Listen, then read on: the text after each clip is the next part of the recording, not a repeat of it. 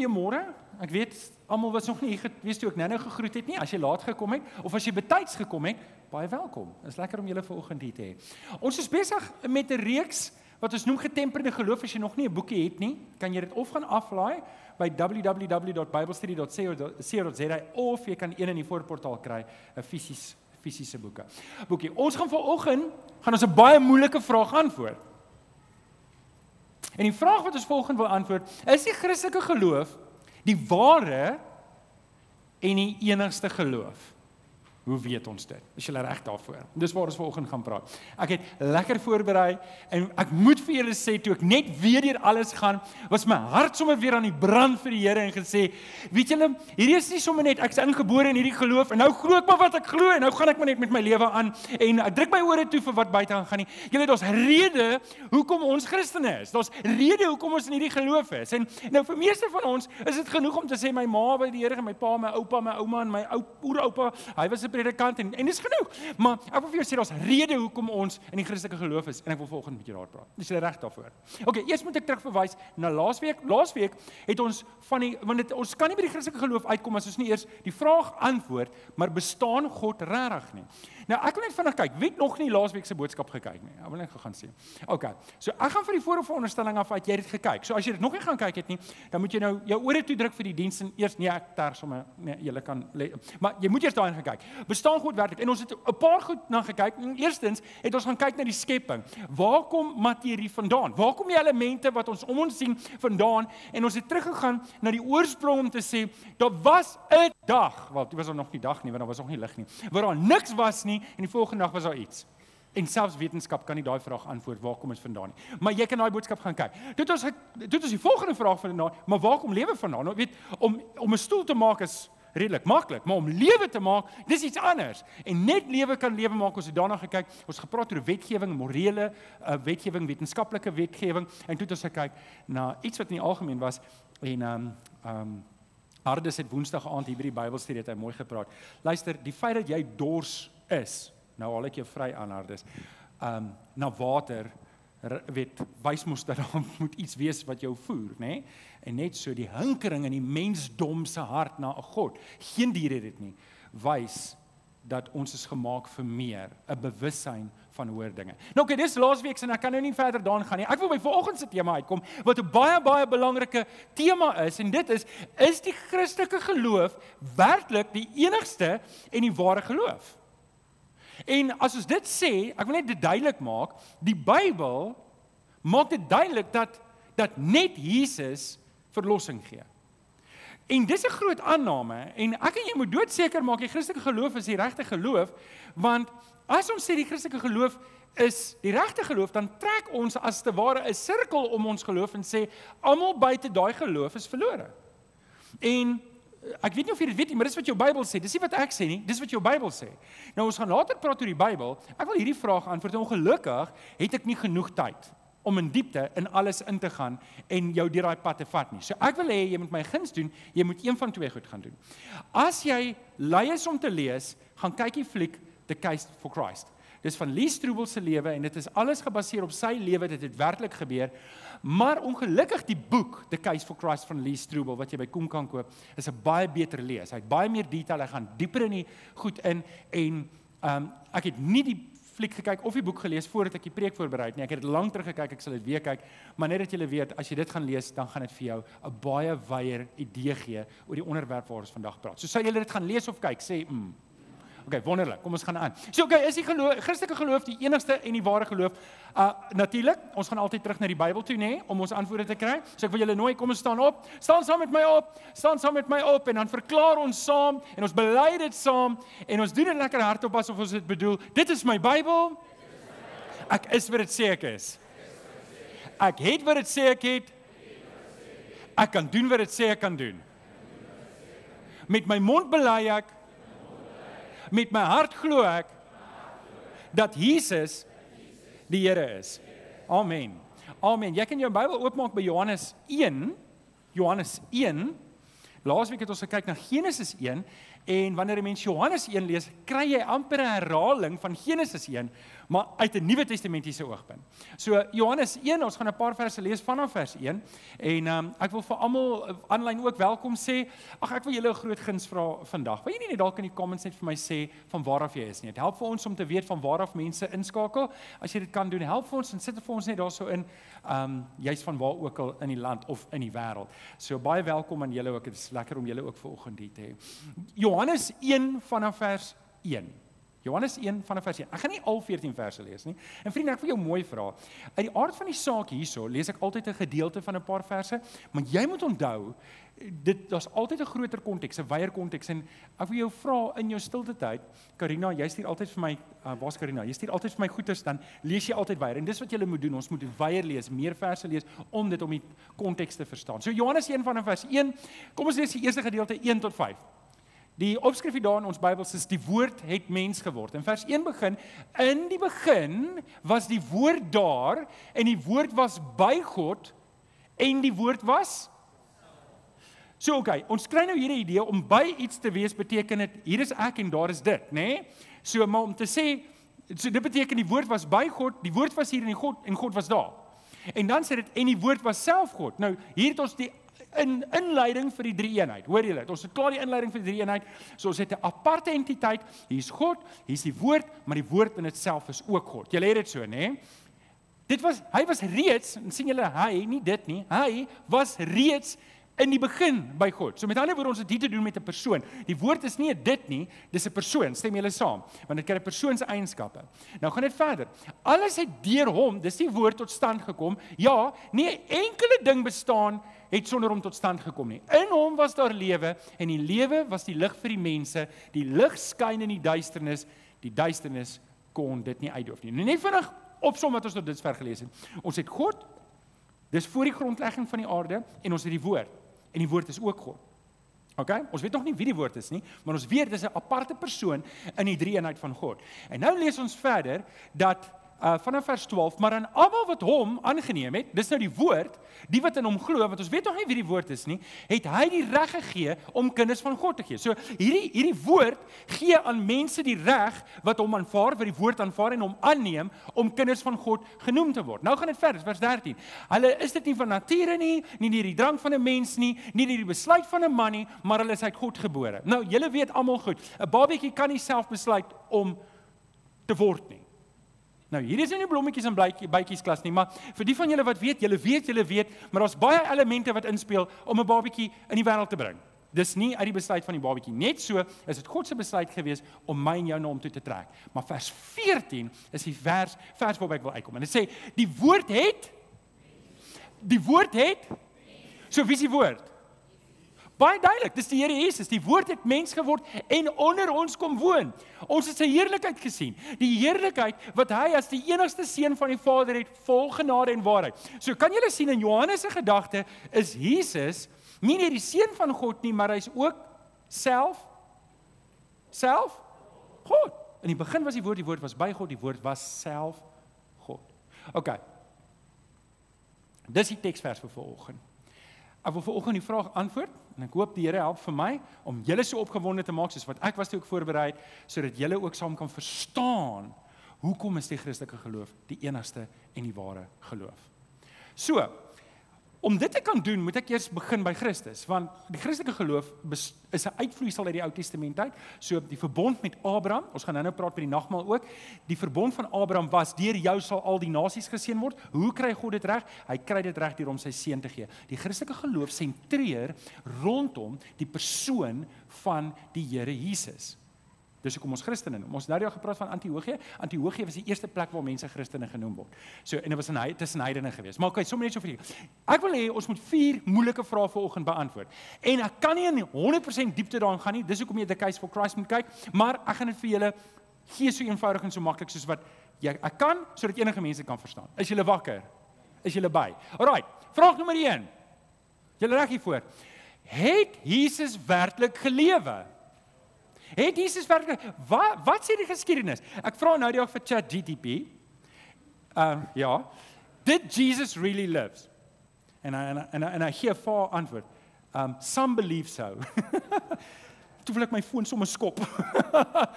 um en en hier is 'n belangrike vraag want dis een van mense wat nie glo in die Here Jesus nie wat hulle geloof heeltemal op prys gegee het wat niks glo nie wat 'n vraagteken sit en sê Jesus is 'n fiktiewe figuur. Hy het nooit regtig geleef nie, hy het nie regtig bestaan nie. Party van julle mense glo King Arthur, koning Arthur het regtig bestaan, maar hy's 'n hy's 'n legendariese figuur wat nooit geleef het nie. Hy het nooit beleef en en mense probeer Jesus afmaak om te sê dis hoe Jesus is, maar julle dit is nie die waarheid nie.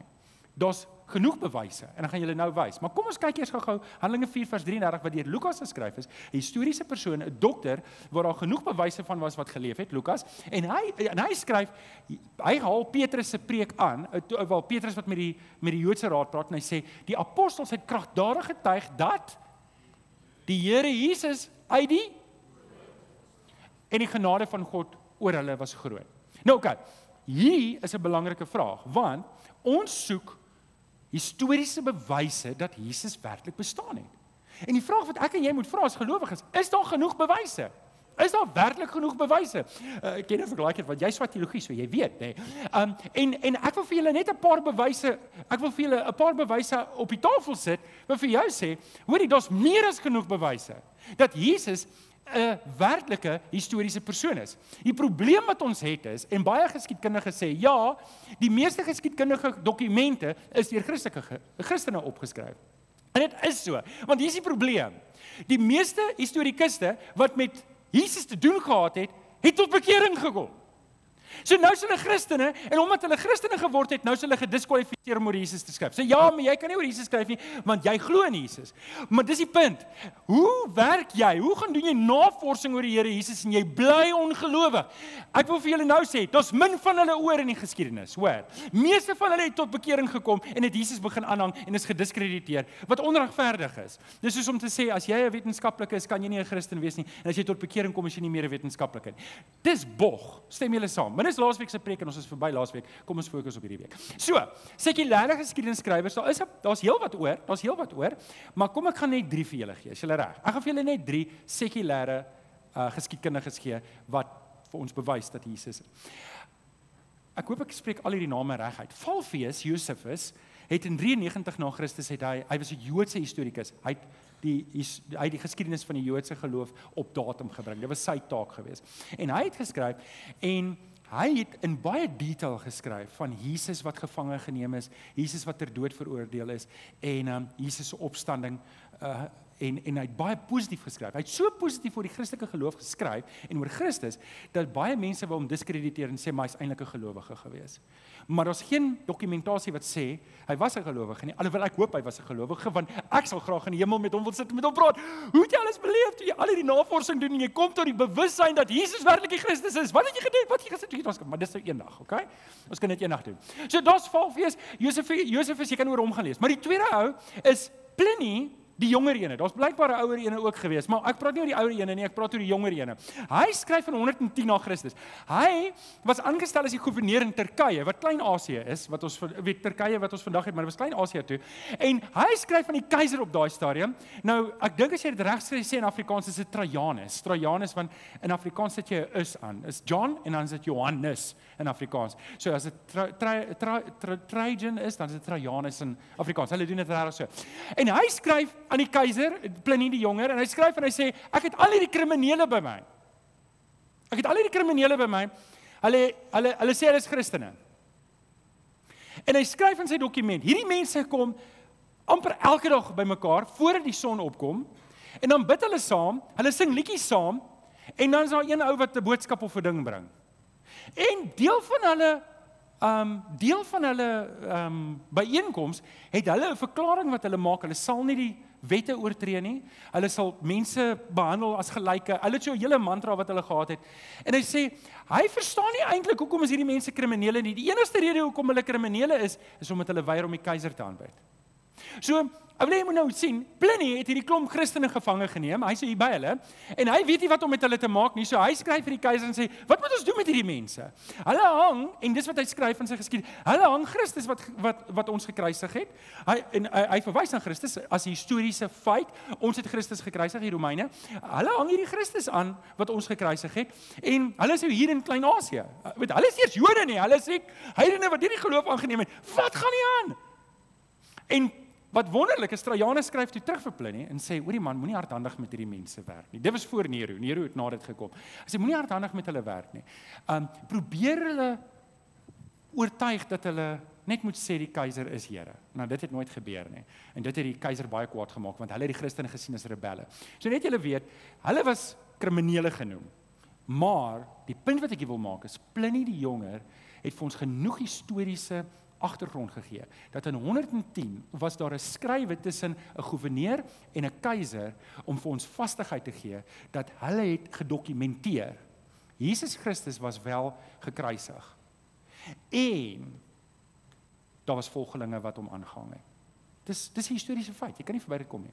OK, kan ek nog een gee? Dan is ek klaar met hierdie ene. Nog 'n sekulêre ou. Ehm um, as ek sê sekulêre bedoel ek hy was nie 'n Christen nie. Is senator Tas Tacitus. Ek weet dit klink soos 'n siekte, maar kom ons hou daarby. Tacitus. En hy het geskryf in 115 na Christus. So, toe Trajanus nie meer keiser nie, raai wie steun keiser? Nero.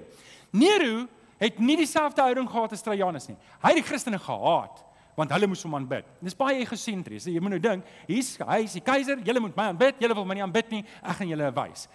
En uh senator Tacitus het homself uitgegee as 'n Romeinse historikus. So hy het baie dokumente neergeskryf en toe die groot vervolging begin, dink ek, lyk dit vir my, het hy half en half simpatie gehad teenoor hierdie mense wat voor die voet doodgemaak word. Julle onthou, ek het al vertel, Nero het Christene met teer gesmeer en dan op pale vasgebind in sy tuin en aan die brand gesteek sodat daar lampe, lewende lampe kan wees in sy tuin.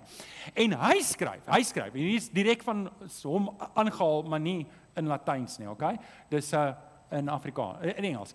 Um the Tacitus histories, uh, histories too mentions Jesus in his writings. In his account of Nero's persecution of Christians in 115 AD, he explicitly refers a Christus, Christus is net die Grieks, um who was crucified by Pontius Pilate and inspired an immense multitude to adhere to his teachings. Nou, ek kan nie ek kan nou ons kan aangaan, ons kan aangaan, ons kan nog 'n paar name aan, maar ek dink dis genoeg. Stem julle saam? Daar's genoeg historiese bewyse dat Jesus werklik 'n mens was wat op aarde geleef het. Daar's meer geskrewe bewyse dat Jesus op aarde was as wat daar is dat Julius Caesar werklik geleef het. So, jy het iets om aan vashou.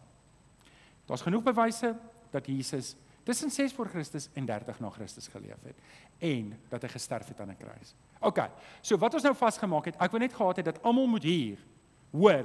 Daar's genoeg bewyse dat Jesus werklik geleef het. Hy's 'n historiese, werklike figuur. En dis belangrik want ons kan nie verder gaan as ons nie dit het nie. Is almal by? Kan julle saam met my aangaan na vraag 2 toe?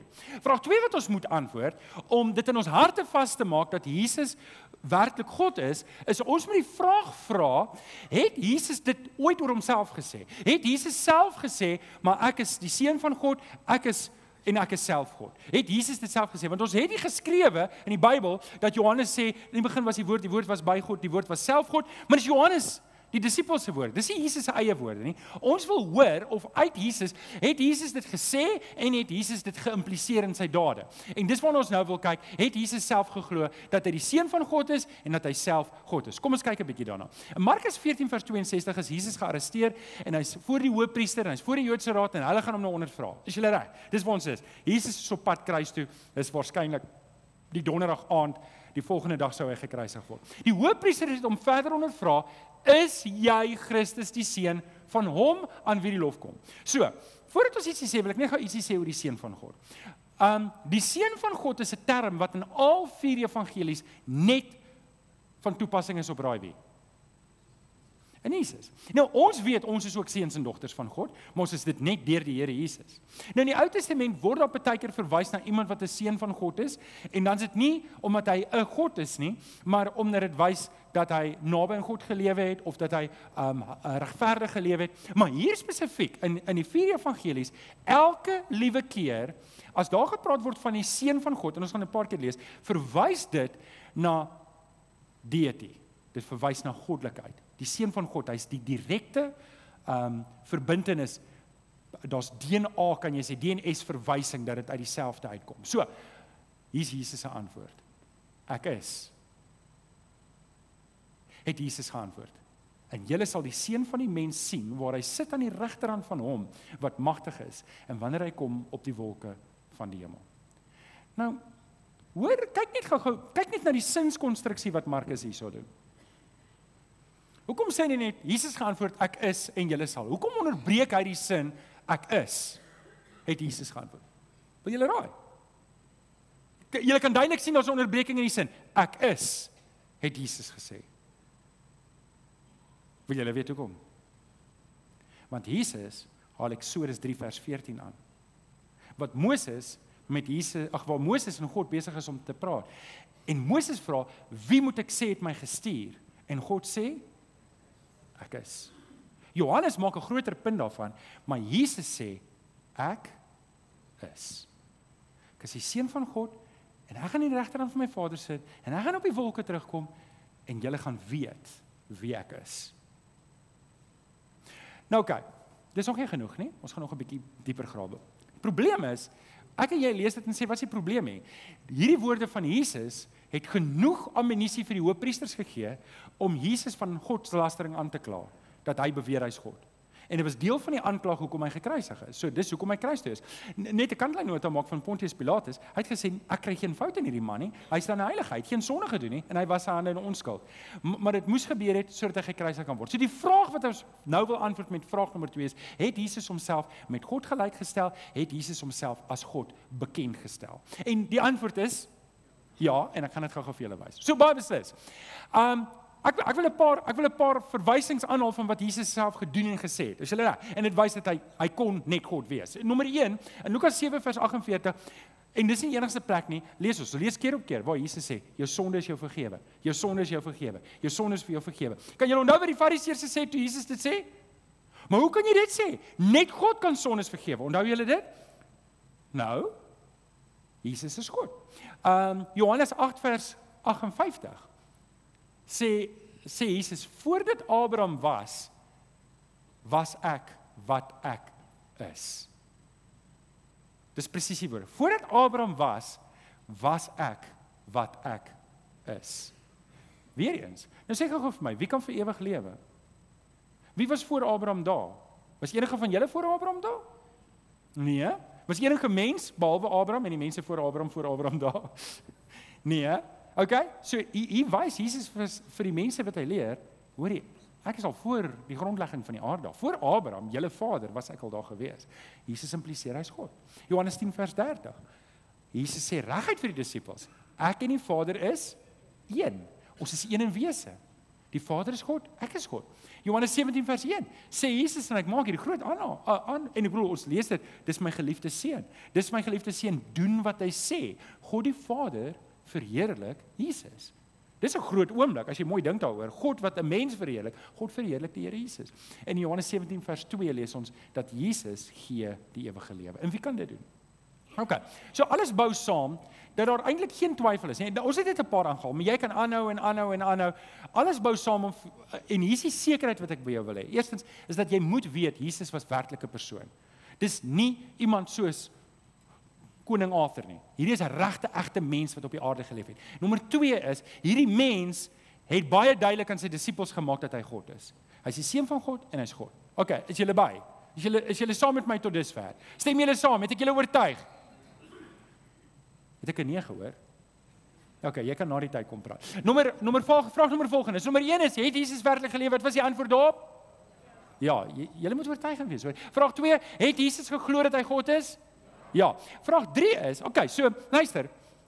Ehm um, Jesus het werklik geleef, ja, hy het geglo dat hy God is. Maar ek dink 'n belangrike vraag wat ons nog moet vra is, het sy disippels geglo dat hy God is? M want hoorie, enige ou kan enige ding oor homself glo. Daar is maar 'n paar mense wat te veel dink van hulle self en hulle is oortuig hulle is belangriker as wat hulle werklik is. Ken julle sulke mense?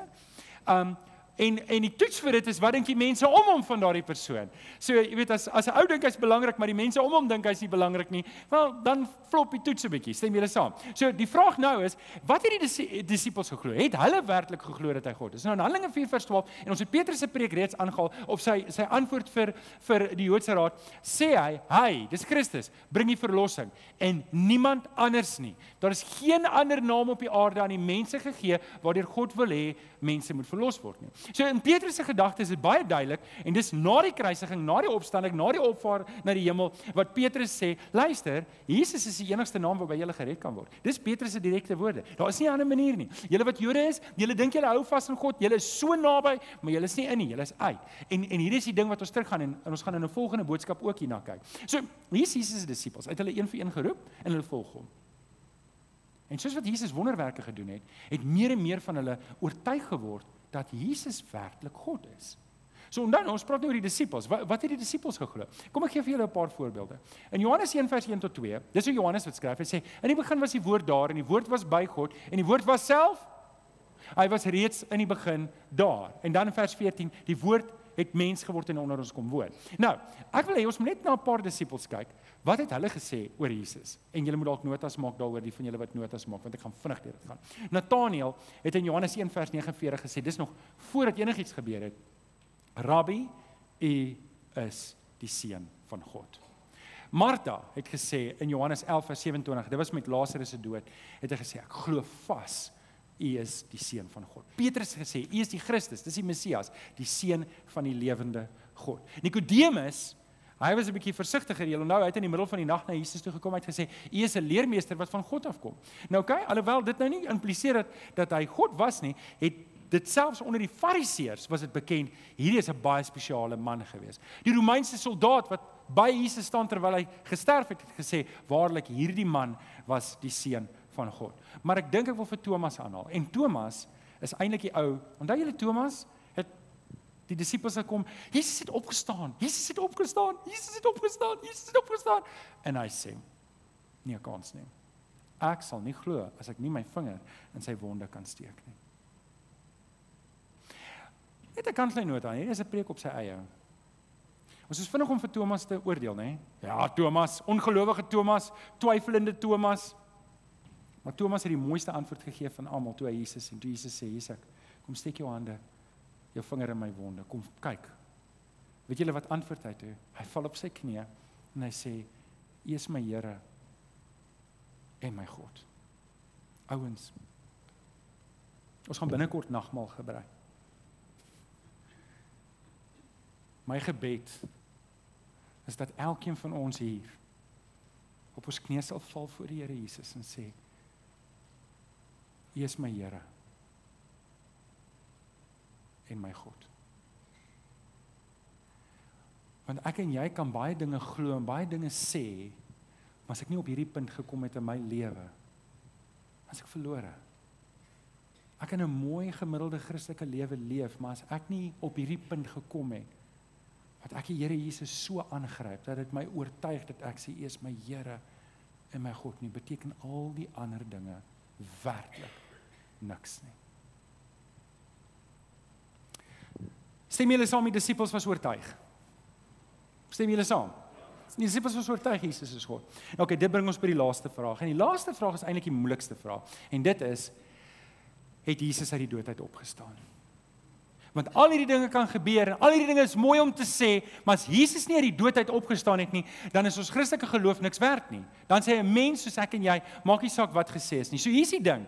Matteus 16 vers 21 lees ons dat Jesus gesê het, van toe af het Jesus dit vir sy disippels duidelik begin stel dat hy in Jerusalem toe moet gaan en baie moet ly onder die familiehoofde, die priesterhoofde en die skrifgeleerdes en dat hy doodgemaak moet word en die derde dag uit die dood moet opgewek word. So Jesus het dit voorspel. Hy het gesê, luister, ek gaan gaan doodgemaak word, maar ek gaan opstaan uit die dood. Dit het hy gesê voordat dit gebeur het. So, die heel belangrikste vraag wat ek en jy moet antwoord is wat het gebeur na die kruisiging? Het Jesus werklik opgestaan uit die dood? Het hy die dood oorwin? Het hy oorwinning gebring vir my en vir jou sonde? Het hy die verlossing gebring of het hy nie? Indien hy dit nie gedoen het nie en indien hy nie opgestaan het nie, dan is Jesus eintlik besig met 'n bedrogspel. Dan was Jesus 'n volslae leenaar of hy was kranksinnig. En dan is daar niks mooi nie. Ek kan nie net aanhang en sê maar weet Jesus was net 'n goeie mens nie. Dis nie genoeg nie. Dis nie genoeg nie. Dan was hy totaal en al vol van bedrog. Die ander kant is as dit wel gebeur het, dan is die Here Jesus God en behoort ek en jy om te aanbid. En as ek nie hom gaan aanbid nie, as ek hom nie gaan aanvaar as verlosser nie, gaan ek hom ontmoet as regter. En dis 'n belangrike ding, daar is nie 'n middelweg nie. Daar's nie 'n middelweg nie. Ek kan nie net sê Jesus was 'n goeie mens en ek kan aanvaar as 'n goeie mens en dis oukei nie. Ek moet besluit. Is dit bedrog of is dit die waarheid? En as ek daai besluit geneem het, wil ek net vir jou ses oorwegings gee voordat ons die nagmaal bedien. Nommer 1. Die eerste getuie was vroue. Nou dit beteken vir ons dalk nou niks nie, want vroue het gelyke regte in hierdie samelewing. Maar in daardie samelewing waar Jesus geleef het, was vrouens en kinders gelykgestel. Nou jy kan dink as ek in die hof moet getuig teen 'n 6-jarige, hoeveel is dit werd? Nou vrouens ek is jammer, maar dit was die tyd waarna geleef het. Dit was nie Jesus se skuld nie, was die Romeinse en die ehm um, Griekse regering se skuld, maar dit die eerste getuie was vroue. En Jesus het eerste verskyn aan vroue. So ek en jy sou dit nie doen nie, want is nie kredietwaardig nie, maar die feit dat dit gebeur het, wys dat daar waarde in is. Jesus, dis nie die, eh, wie van julle was al in die hof en moes getuig het? Ek wil net sien. OK? Ek hoop nie julle het gejok nie. OK, want as jy moet gaan getuig, moet jy die waarheid praat. En die feit dat dit vroue is, dat God gekies het om aan vroue wat nie kredietwaardigheid gehad het nie, eerste te verskyn, was die eerste getuies, gee dit kredietwaardigheid in itself. Dis asof as 'n kind dit sê met oortuiging, dan moet dit tog waar wees, alhoewel ons geneig is om hom nie te glo nie. Die tweede oortuiging of oorweging is die die disippels het bly glo na Jesus se kruisiging. En hulle het verkondig. En hoorie, dis nie asof hulle 'n besigheid daar kon bedryf nie. Meeste disippels was doodgemaak vir hulle geloof. Net Johannes, die disipel is nie doodgemaak nie. Al die ander is vermoor. Nou ek weet nie van julle nie, maar ek gaan nie 'n losing battle veg nie. As ek weet hierdie ding is nie waar nie en ek sien Eras word doodgemaak vir sy geloof, luister dan sê ek uit. Tensy dit waar was. OK? Nommer 3. Jesus se eie broers het na sy kruisiging tot bekering gekom en het geskryf in Jakobus en Jonas, twee boeke wat in ons Bybel is, van Jesus se kruisdood, van sy opstanding en sy oorwinning. Nou luister, jy weet As sy broers nie in hom geglo het nie, moes daar iets groot gebeur het in hulle lewe dat hulle begin glo het na die tyd en dat hulle hulle eie lewe sou opgee. Net vir julle sê Jakobus is is met klippe doodgegooi en Judas is middeldeur gesaag omdat hy geglo het in sy eie broer. Nou ek weet nie van julle nie. Ek sal baie ver gaan vir 'n saak, maar ek sal nie doodgemaak word as ek nie oortuig is dis die waarheid nie. Stem julle saam? Uh vierde oortuig, daar was 500 mense op een slag aan wie Jesus verskyn het. Jy kan nie 500 mense om die blok boslyn nie. En dan het 'n groot aantal priesters tot bekering gekom. Mense wat nie geglo het in die evangelie nie, in Handelinge het hulle tot bekering gekom. En dan Paulus wat self die kerk vervolg het, Christene laat doodmaak het, het tot bekering gekom en het Jesus begin dien. So, Eras, jy kan vorentoe kom. 'n Ooggetuie is die sterkste tipe getuie wat daar is. Jy kan op een kredietwaardige ooggetuie in Amerika iemand tot die dood veroordeel kry. Ons het nie een ooggetuie nie ons het baie ooggetuies wat hieroor te praat het. So die oortuig die die ehm um, die die die getuienis is absoluut oorweldigend dat Jesus werklik opgestaan het uit die dood. Nou vriende, ons gaan ons gaan nou die nagmaal gebruik. Die nagmaal gaan uitgedeel word. Maar ek wil dalk hierdie twee verse net lees voordat ek vir julle gebed doen. In 1 Johannes 5 vers 13 lees ons Johannes skryf hy sê hierdie skrywe aan julle sodat julle kan weet dat julle die ewige lewe het, julle wat in die seun van God glo. Nou ouens, dis hoekom ons 'n boodskap soos hierdie doen, net om weer daai fondasie vas te lê om te sê ons glo nie net omdat ons glo nie. Daar's 'n rede hoekom ons glo. In Johannes 10 vers 10 staan daar: 'n Dief kom net om te steel en te slag en uit te roei. En dit kan wees dat die dief dalk al begin steel het in jou lewe, dat die dief al by jou kom roof het en dat daar twyfel in jou hart is. En my gebed is dat jy werklik werklik jou geloofvastigheid sal kry in die Here Jesus en dat jy dat jy 'n dieper um vrymoedigheid sal hê om te getuig.